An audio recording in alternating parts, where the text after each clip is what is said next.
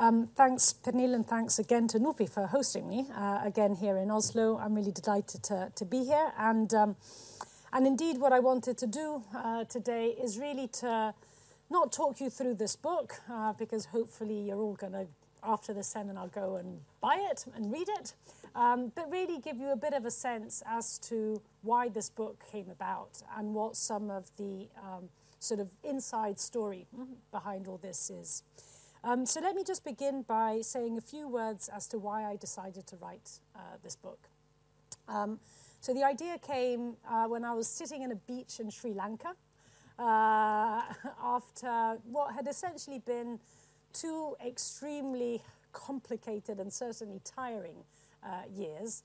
Because the truth is that to produce the global strategy, it actually took the best parts of, uh, uh, of two years. I mean, the work essentially, I mean, the, the very first idea uh, came basically in the fall of 2014. Uh, so as Federica Mogherini was about uh, to take up her position as HRVP, um, I remember first putting the question to her in September of that year. So she started her mandate in, in November and asking her whether she would be interested in producing a new strategy. Already, you know, people like me in the world of academia and think tanks uh, were already saying and thinking for a long time, you know, the 2003 strategy is kind of a bit out of date. Uh, you know, it has been uh, around for far too long, and certainly the world does not uh, look so prosperous, so secure, and so free as that strategy had started uh, out. So, anyway, it took the best part of, uh, of two years really to produce the strategy. And once, you know, that baby had been delivered, uh, I really felt, you know, as, as I was kind of finally relaxing, that there had been so many thoughts and memories and anecdotes that I'd lived through in those two years. And I really, at a very superficial level, just wanted to fix it all in my mind and therefore on paper, because that's how I tend to function, uh, before all those memories faded away. So that was a very first initial impulse, if you like, that, that I had. But then when I started thinking a bit more deeply about it, it became obvious to me that there was actually another reason uh, why I wanted to do it. Uh, and it's basically a reason that goes to the heart not only of, what, of this book, but also of what I wanted to say to you uh, today. And it's basically a story about different worlds that meet. Uh, it's the world of politics, the HRVP uh, herself, it's the world of institutions, of officials and, and diplomats. And it's the world of people like myself that, that come from outside, and most of you uh, that come from outside the world of think tanks, the world of universities, of civil society, etc. And it's true that whereas we all are interested in the same things, hmm, we're all interested in Europe, in the European Union, and foreign policy, uh, and we tend to work actually on very similar, if not the same issues.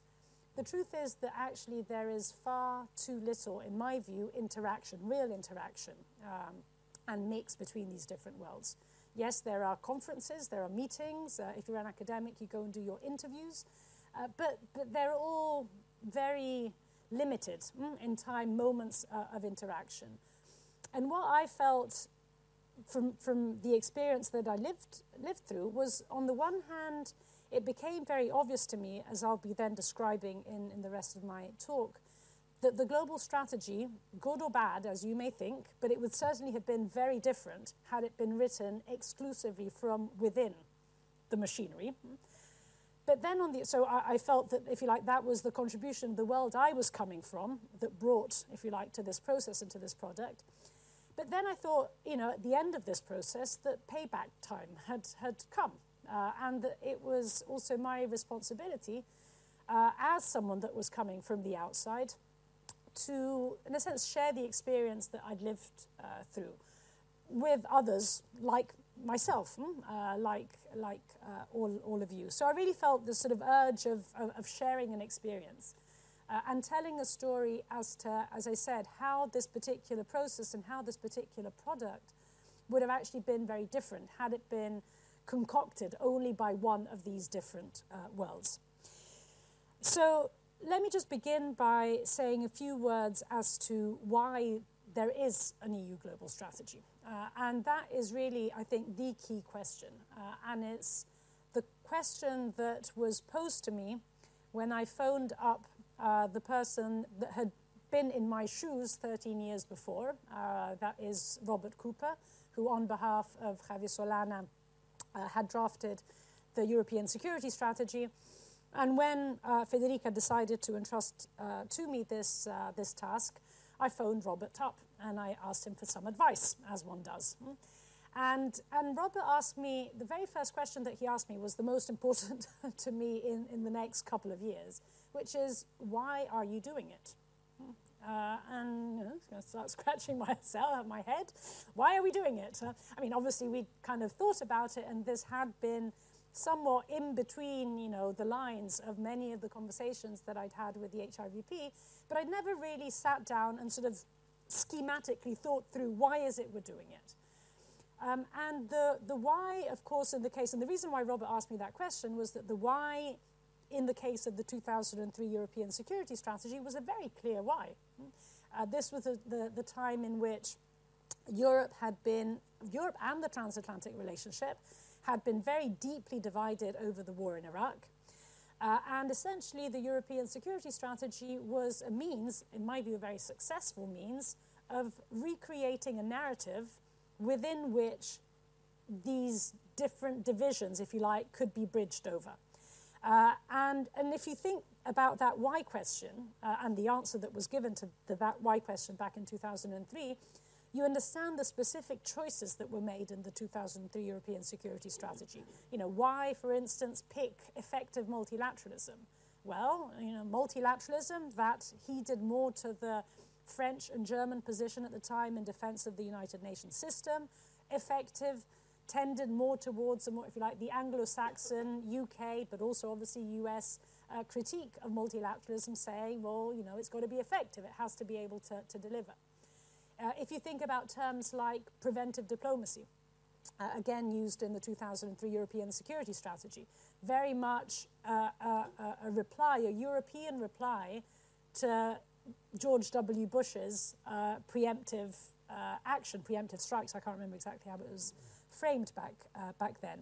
So that why question was critical in 2003, and so the reason, rightly so, that Robert asked me that question is that the answer to that question would have determined the way in which 13 years later uh, the security strategy or global strategy, I'll come to this in a minute, would have actually taken shape.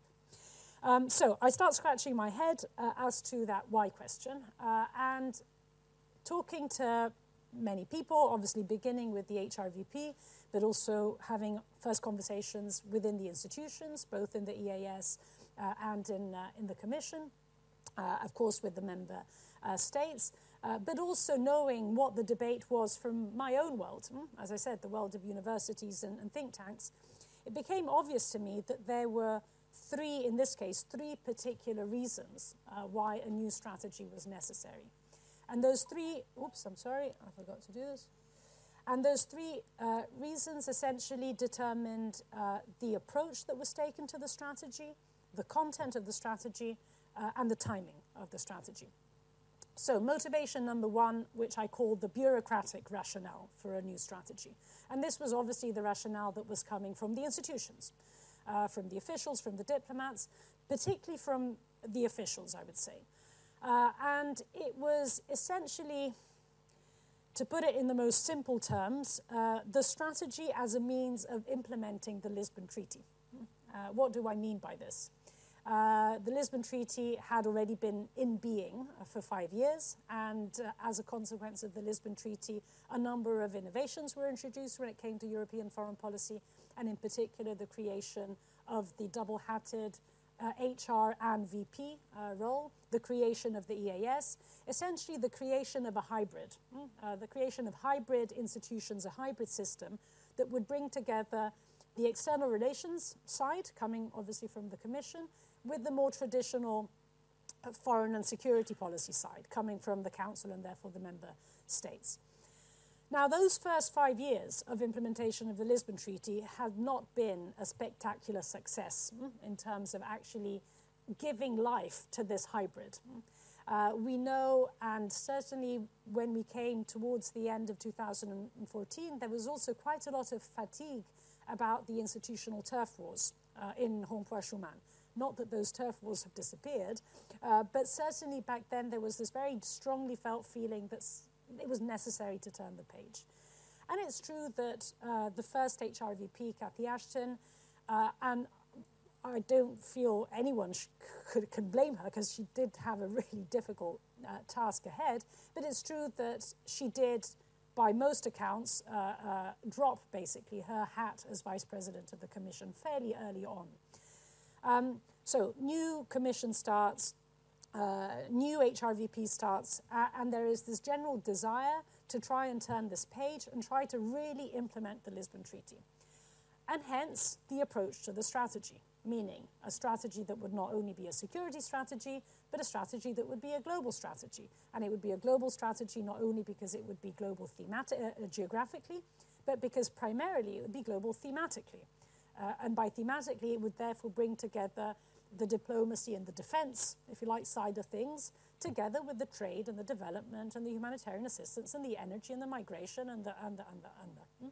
Uh, and therefore, a first bureaucratic rationale for a strategy which determined its entire approach, would, I would say is a sort of essentially bureaucratic and institutional uh, rationale. Uh, second uh, reason why, uh, why the, uh, the strategy came about uh, is, I would say, a reason that comes largely from the world outside. Mm? Now, what did the world outside end up looking in 2014, beginning of 2014? Well, it's a very messy world.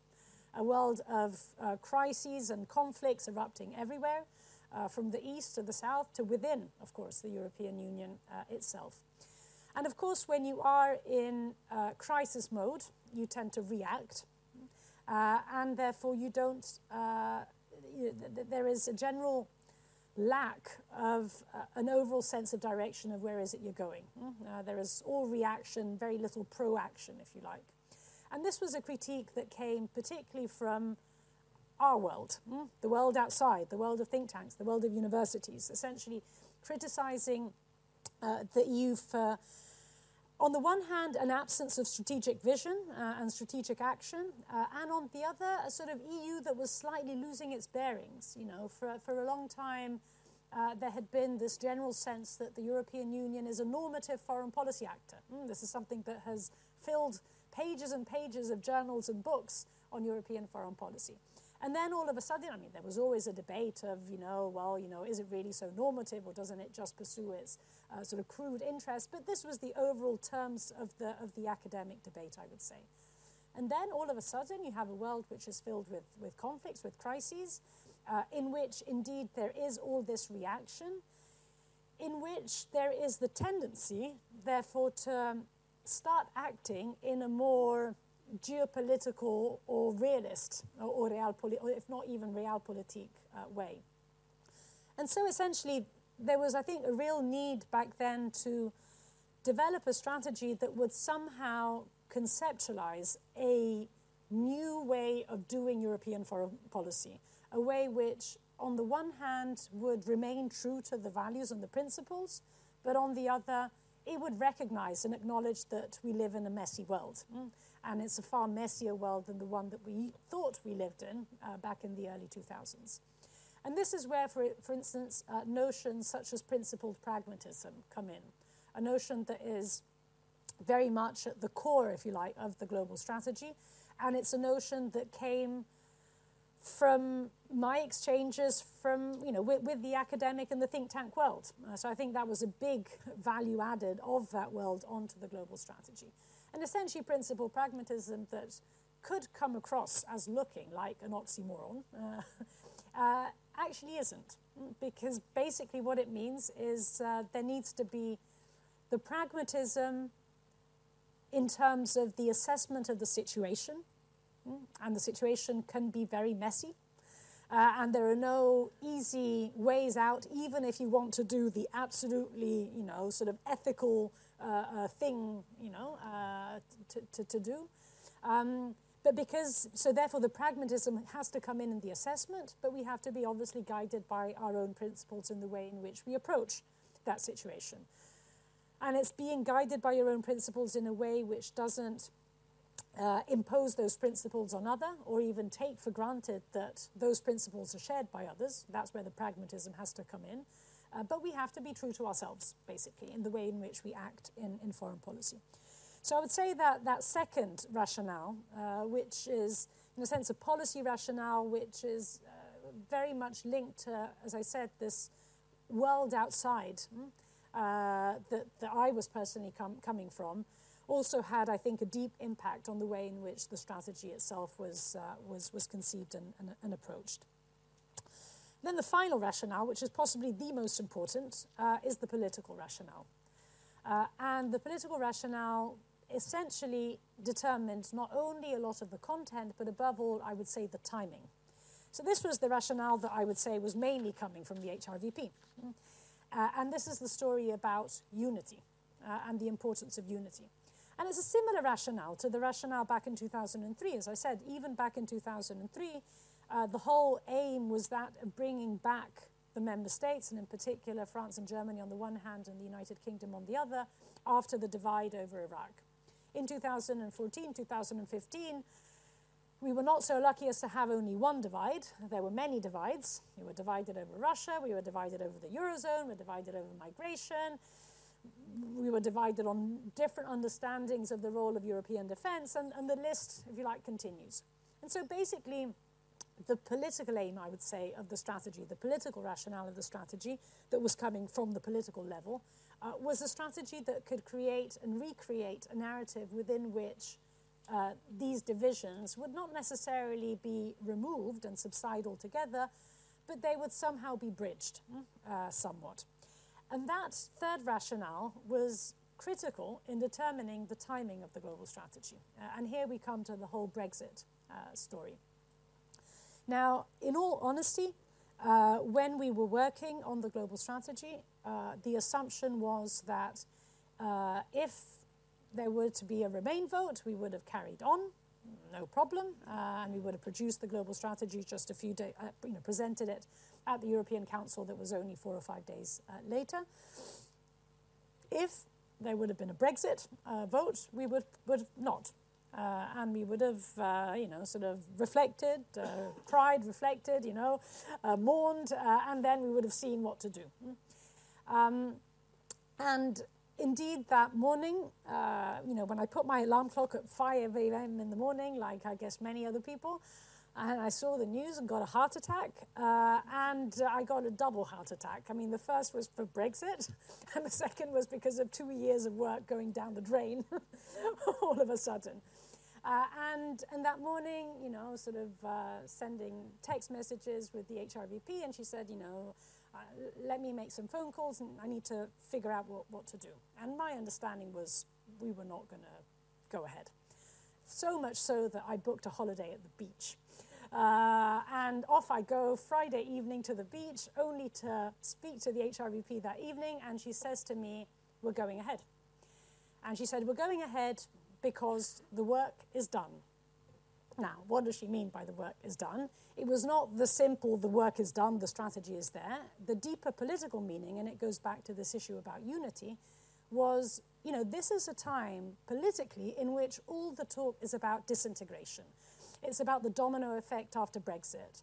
Uh, the, the most, you know, existential probably moment in the whole history of the European Union. And little as a piece of the puzzle as it may be, the global strategy is ultimately something that demonstrates that we can still be united. Why? Because this is a text that is 10,000 words long, that was uh, negotiated line by line, word by word, comma by comma, by 28, yes, 28 member states, uh, by the Commission, everyone included in two years of work, and the work was done. So, politically speaking, if not 48 hours after Brexit, then when to send out a message of yes, we can still be united? So, that political rationale was really instrumental uh, in, in determining the timing of the strategy at a moment in which, frankly speaking, it was not the obvious choice for her to, to, to, to make, you know. Uh, and many also criticized that choice at that particular point in time. Uh, but she was always absolutely convinced that actually it was the right thing to do. And, and I'll come to this uh, towards the end of my speech, uh, I think that facts have actually vindicated the fact that she was, she was correct. Anyway, so these three rationales really determined, as I said, the approach, the content, and the timing uh, of the global strategy.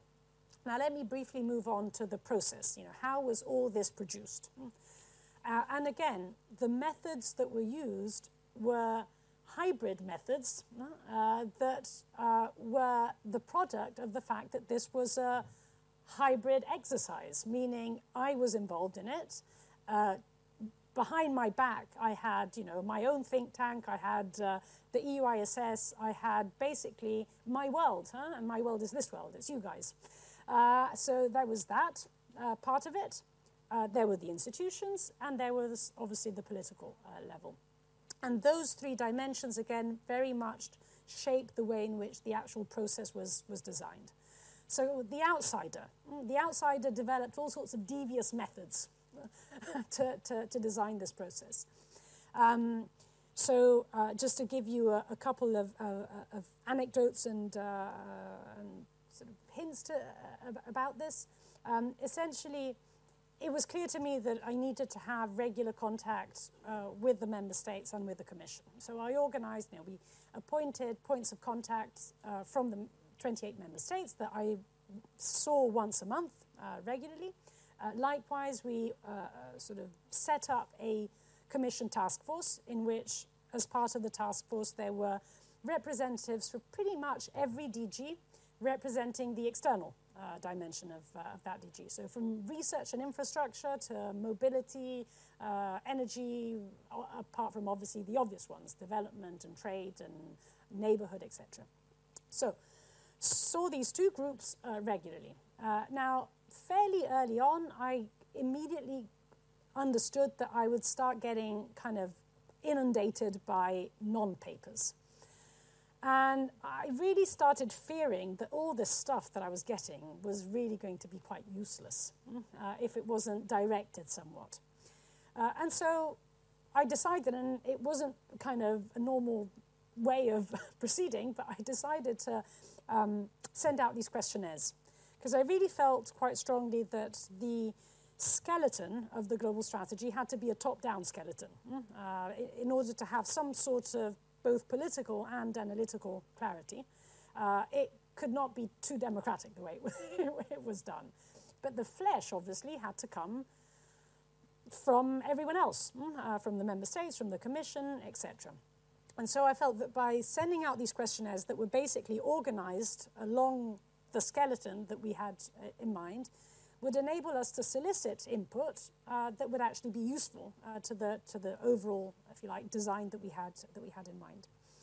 Um, so I, I sent out these questionnaires, and I remember a, a meeting, this was a meeting with the commission, uh, in which I explained the fact that you know I was distributing these questionnaires and they had to work on them over the Christmas holidays, uh, and you know beginning of January they had to you know had a deadline to send the, uh, send their input in. And, and I said, well, you know, please, when you answer the questions, don't simply tell me what you're doing now. Don't tell me what you're going to do tomorrow. Don't even tell me what you're going to want to do in one year. You know, just really think outside the box and, you know, tell me what you would like to see happen in five or six years. And uh, so one hand goes up, and um, and uh, his colleague says, uh, Nasidi, you need to understand. I no, no, sorry, before I say that. Um, and I said to him, you know, think outside the box, you know, imagine, you know, sort of be creative and think outside the box. So hand goes up. Says, Nathalie, you need to understand something. We can't think outside the box. We are the box. but actually, he was wrong. He was wrong because being sort of um, solicited in a, in a clear way, actually the input that I received was incredibly valuable. Uh, valuable in a way in which I could not have received from the outside world. Uh, because you need to be in the mechanism, in the machine, to really have that nitty gritty detail. Then, obviously, you need to bring back to another, you know, a certain level of, of, of, of abstraction again, but you need to know those nitty gritty details in order to go back to that level of abstraction in a way which actually is, is meaningful. Um, so, you know, the questionnaire, another devious method that probably no, you know, sort of um, no insider would have come up with, uh, was the fact that I, again, I understood fairly early on that there is a complete, you know, I feel a bit embarrassed with Thierry here, but there's a real obsession with text and words. Mm? And officials love track changes. They absolutely love track changes. Everything gets track changed. um, but I, and in fact, so much so, going back to the questionnaires, that uh, at some point I remember one um, returned the questionnaire not with the answers to the questions, but with the track changed questions themselves. anyway, so there's this real obsession with text and commas and words and everything. Uh, and of course, at some point, words matter. Uh, but I felt that if we were immediately, you know, sort of six months, eight months before, to get bogged down in the words and the commas, we would just lose the forest for the trees, you know. Uh, and so I, what I did um, was, indeed, I was already drafting the various chapters of the global strategy. Uh, but I, when I met both with the Commission and with the member states, I asked a colleague to summarize me. And uh, that is the text that I distributed. And I made sure that I told to everyone that actually this was not my writing. Mm, There was no point quibbling over the words because this was not going to be the actual text. But all the content was there. I mean, these summaries were not really summaries, they were rewritten, but they were pretty much the same length uh, as the actual chapter. Uh, but it really enabled, I felt, uh, a sort of conversation about the content and not about the, the fine wording. That would come afterwards. But then, of course, so this was kind of, you know, devious me coming from the outside. Uh, but then what couldn't have come from me uh, was the um, sort of sensibility of knowing when was important to speak with whom and how much. Mm? Uh, and this had, in a sense, less to do with the actual content uh, and more to do with the so called buy in. So I kept on hearing this word buy in, buy in. You need to get buy in from the member states, you need to get buy in from this and that and the other. Uh, and, and of course, I understood uh, that that buy in essentially meant, uh, and again, I could have never had the, the knowledge uh, to know when was the right moment and the appropriate moment for me to speak to the Political and Security Committee? Uh, when did I have to speak to the Military Committee? Uh, when did I have to speak to political directors, to security directors, to defense directors, to Secretary Generals of Ministries of Foreign Affairs? And the list gets longer. Now, were these meetings useful for content? No. Mm. The, the content meetings were my regular monthly meetings with the Commission and the Member States because it's there that I could go through, you know, detail chapter by chapter, bit by bit of the entire thing. With all of these other levels, which were generally much higher levels than the ones that I regularly met, but they felt they needed to also have something, you know, a, a say in this. That was buy, that's what buy-in means. Mm. So going over and doing the same presentation over and over again, but then everyone felt that they were part of this process. Huh? And, it, and, it, and, and, as I said, that is something that I couldn't have known as someone coming from the outside. Uh, and I needed to have, you know, sort of colleagues in the EEAS in particular that steered me into this, uh, into this process. And then, obviously, another thing that came uh, from, from the outside, uh, the outsider, if you like, in this process was the fact that there was so much engagement uh, with if you like, civil society broadly understood, you know. Uh, and it's not just the over 50 conferences in every single capital. Uh, it's the meetings here in Oslo, uh, in Japan, in the US, in Australia, etc. But it's also, you know, the student essay competition. Uh, it's the op-eds commission to the various experts. I mean, it's a, an entire process that was constructed because it was constructed also by someone that was coming from the outside and that understood how important it is to get that input coming from the outside world into the actual content of the, of the strategy itself. Anyway, uh, moving on to the content itself uh, of, the, of the global strategy, and again, reflecting how the content reflects the input from these uh, different, uh, different worlds. I would say that the outsider mm, uh, contributed to what I think is a fairly analytical organization of the text.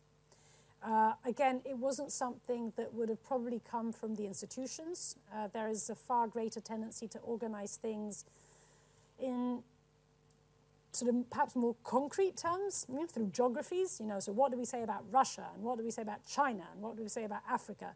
Uh, and I really strongly felt that that would have made the strategy basically be out of date in you know three weeks. I.e., it would not have been a strategy. Um, so I insisted quite a lot for a different organization of the text. I had to give in uh, on various issues.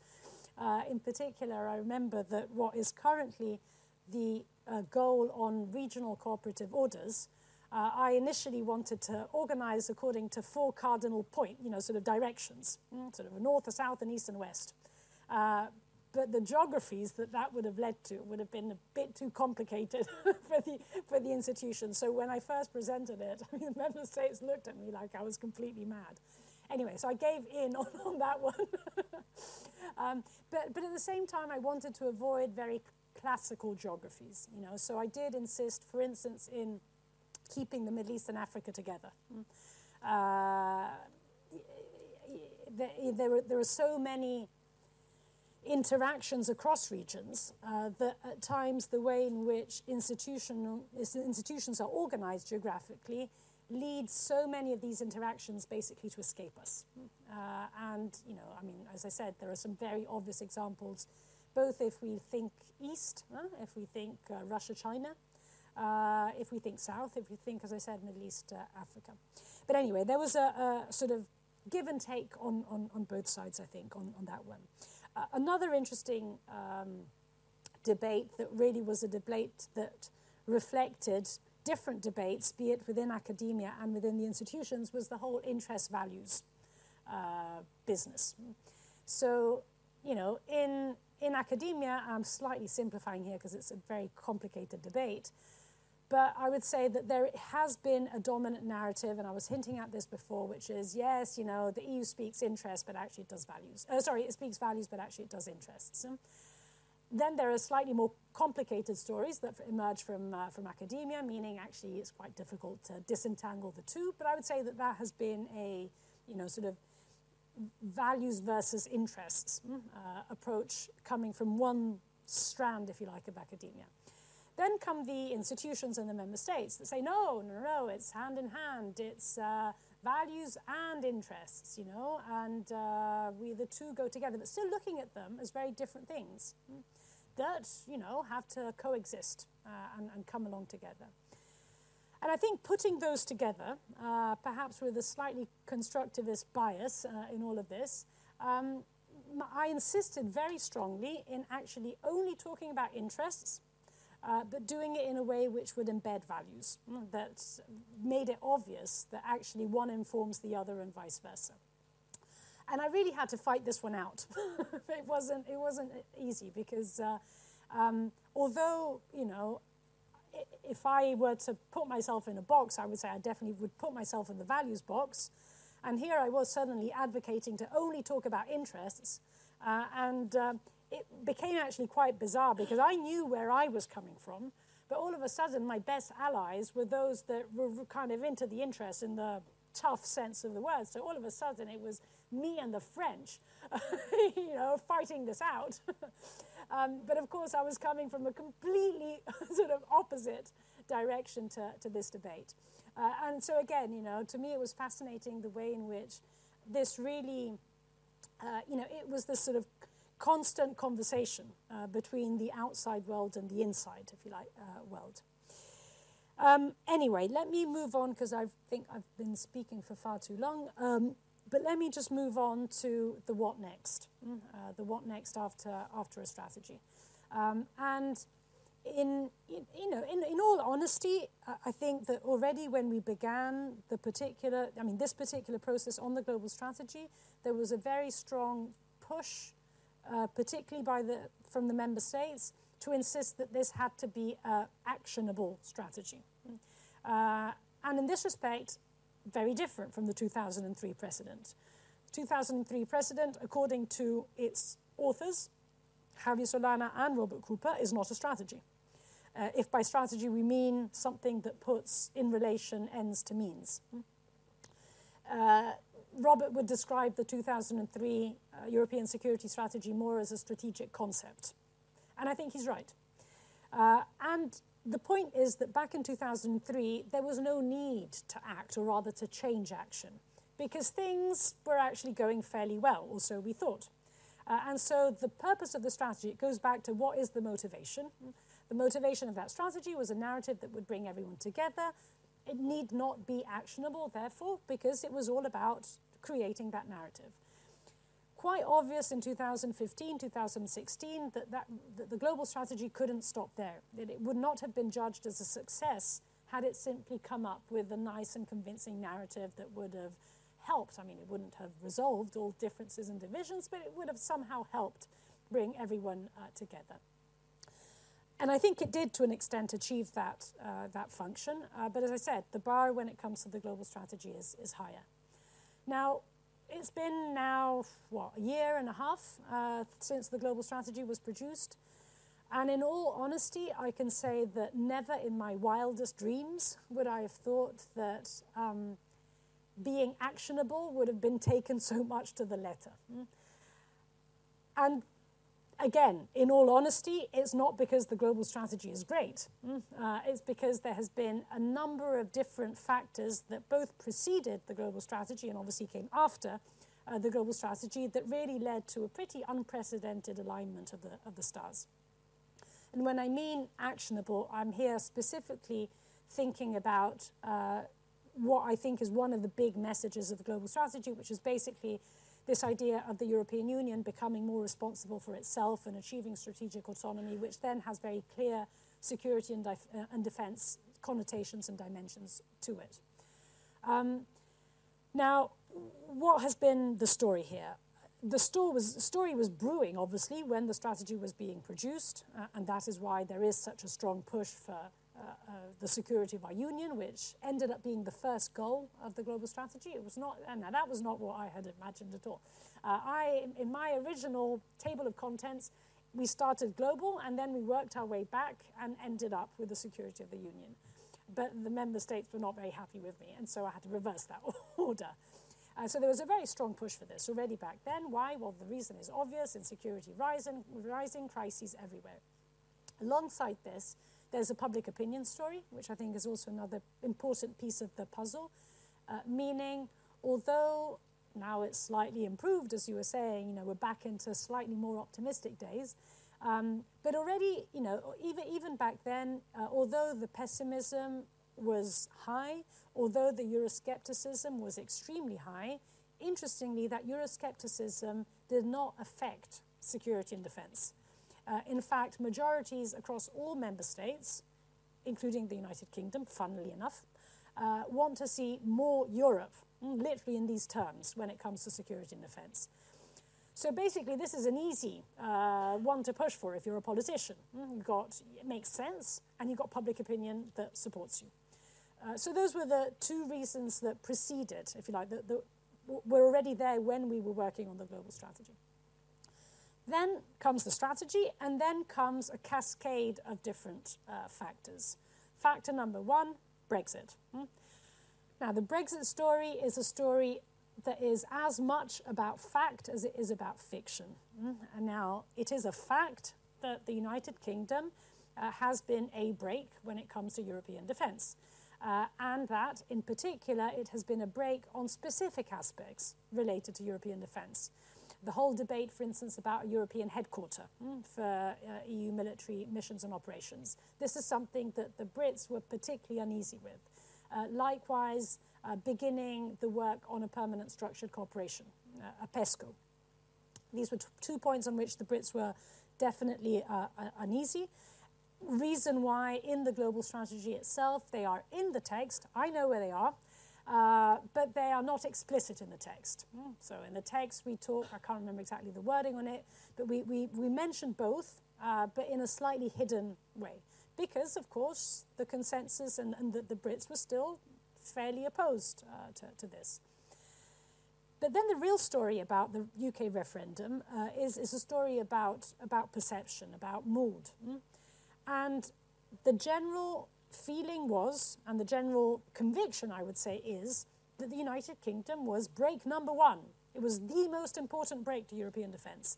I don't think that's the case. Uh, but what I think is irrelevant, hmm, because that is what the majority, I would say, thought.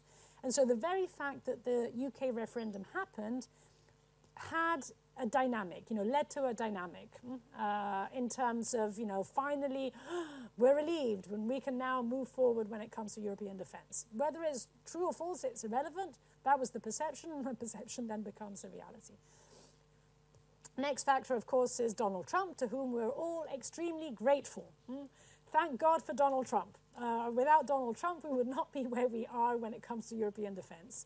Um, again, this is a story which is as much about perception as it is about fact. The fact is that the United States has been asking Europeans for a number of years, certainly throughout the Obama administrations, to become more responsible for themselves. Hmm, that is a fact. But because that message was sent in a graceful, uh, polite, uh, rational uh, way, we didn't get it.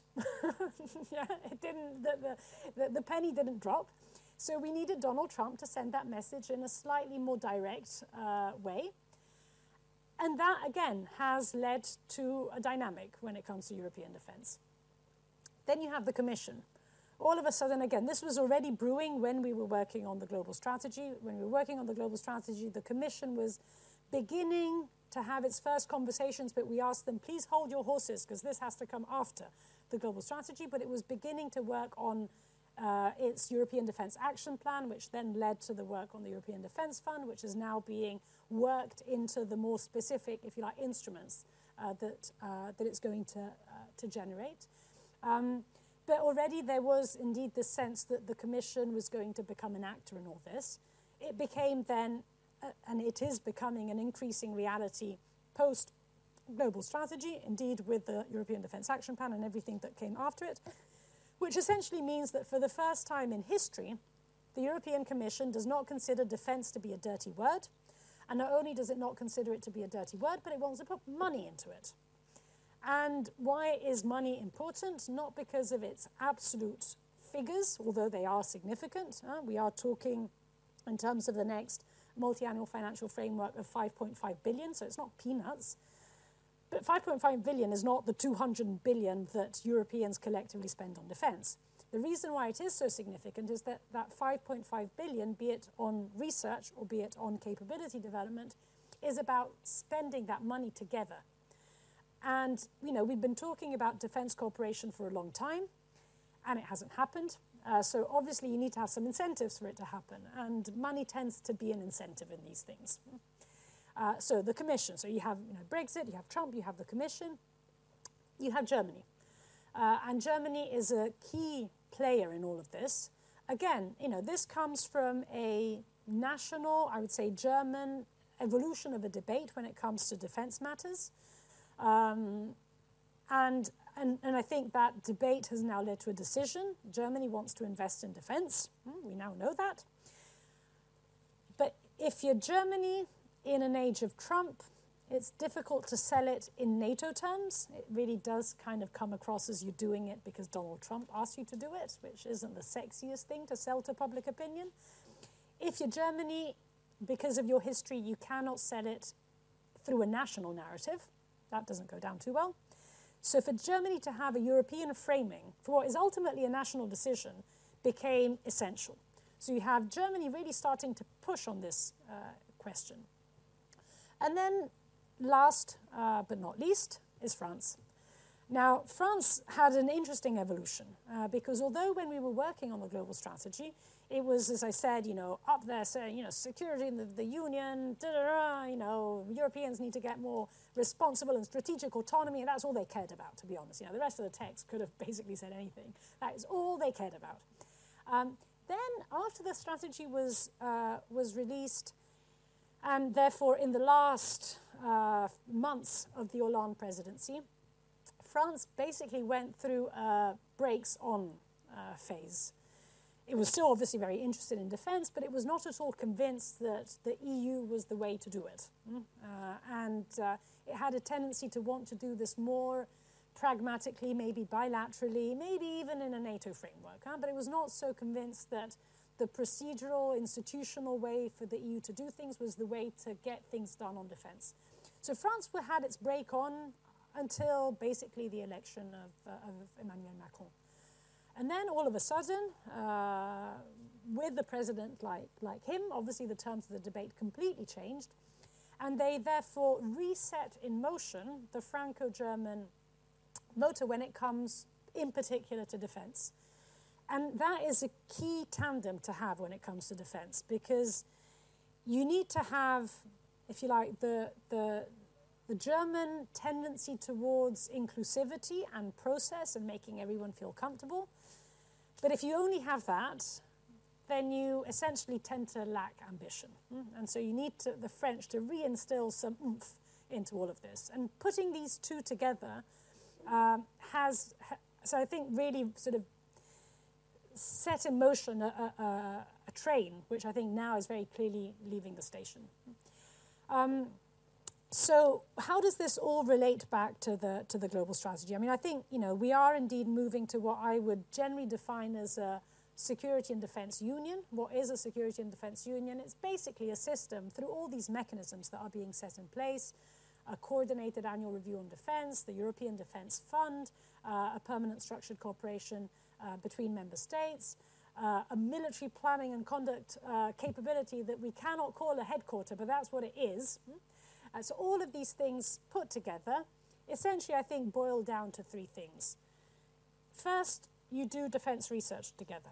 So you have the incentives now for the first time to do research together. You know, for us in the world of research, not defense research, but research, know uh, how important, for instance, Horizon 2020 projects are, and how much through Horizon 2020 uh, and before then framework programs, we do research together much more than what we used to.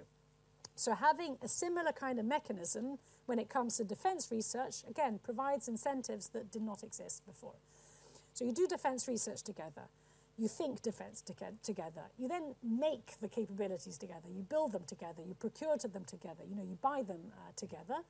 And, you know, through these mechanisms, this is basically what is going to happen. And then you do operations together. Uh, and again, this is partly where PESCO comes in, where the headquarter comes in, etc. So all of this, I think, is leaving the station literally now. I mean, some bits have already left the station. PESCO we're going to see by the end of the year. Um, so all this is, is happening now. Last thing I want to say, and then I close, is well, you know, so what about the global strategy? I mean, this would have happened anyway. And of course, it would have happened anyway. Hmm? But I think the global strategy and the fact that the order was kept, you know, you have the global strategy first and then you have a number of things coming after, has um, created not only a narrative but a process which has enabled basically what that third political rationale that I was first referring to to actually persist unity. Hmm? So the fact that you do have an overarching text, an overarching framework within which you even have the Irish mm, that are into this defense debate because they recognize themselves into something that they worked on. Um, and so it really helps, if you like, to keep that unity, which, as I said, was the ultimate political rationale for engaging in this process in the first place. Thank you.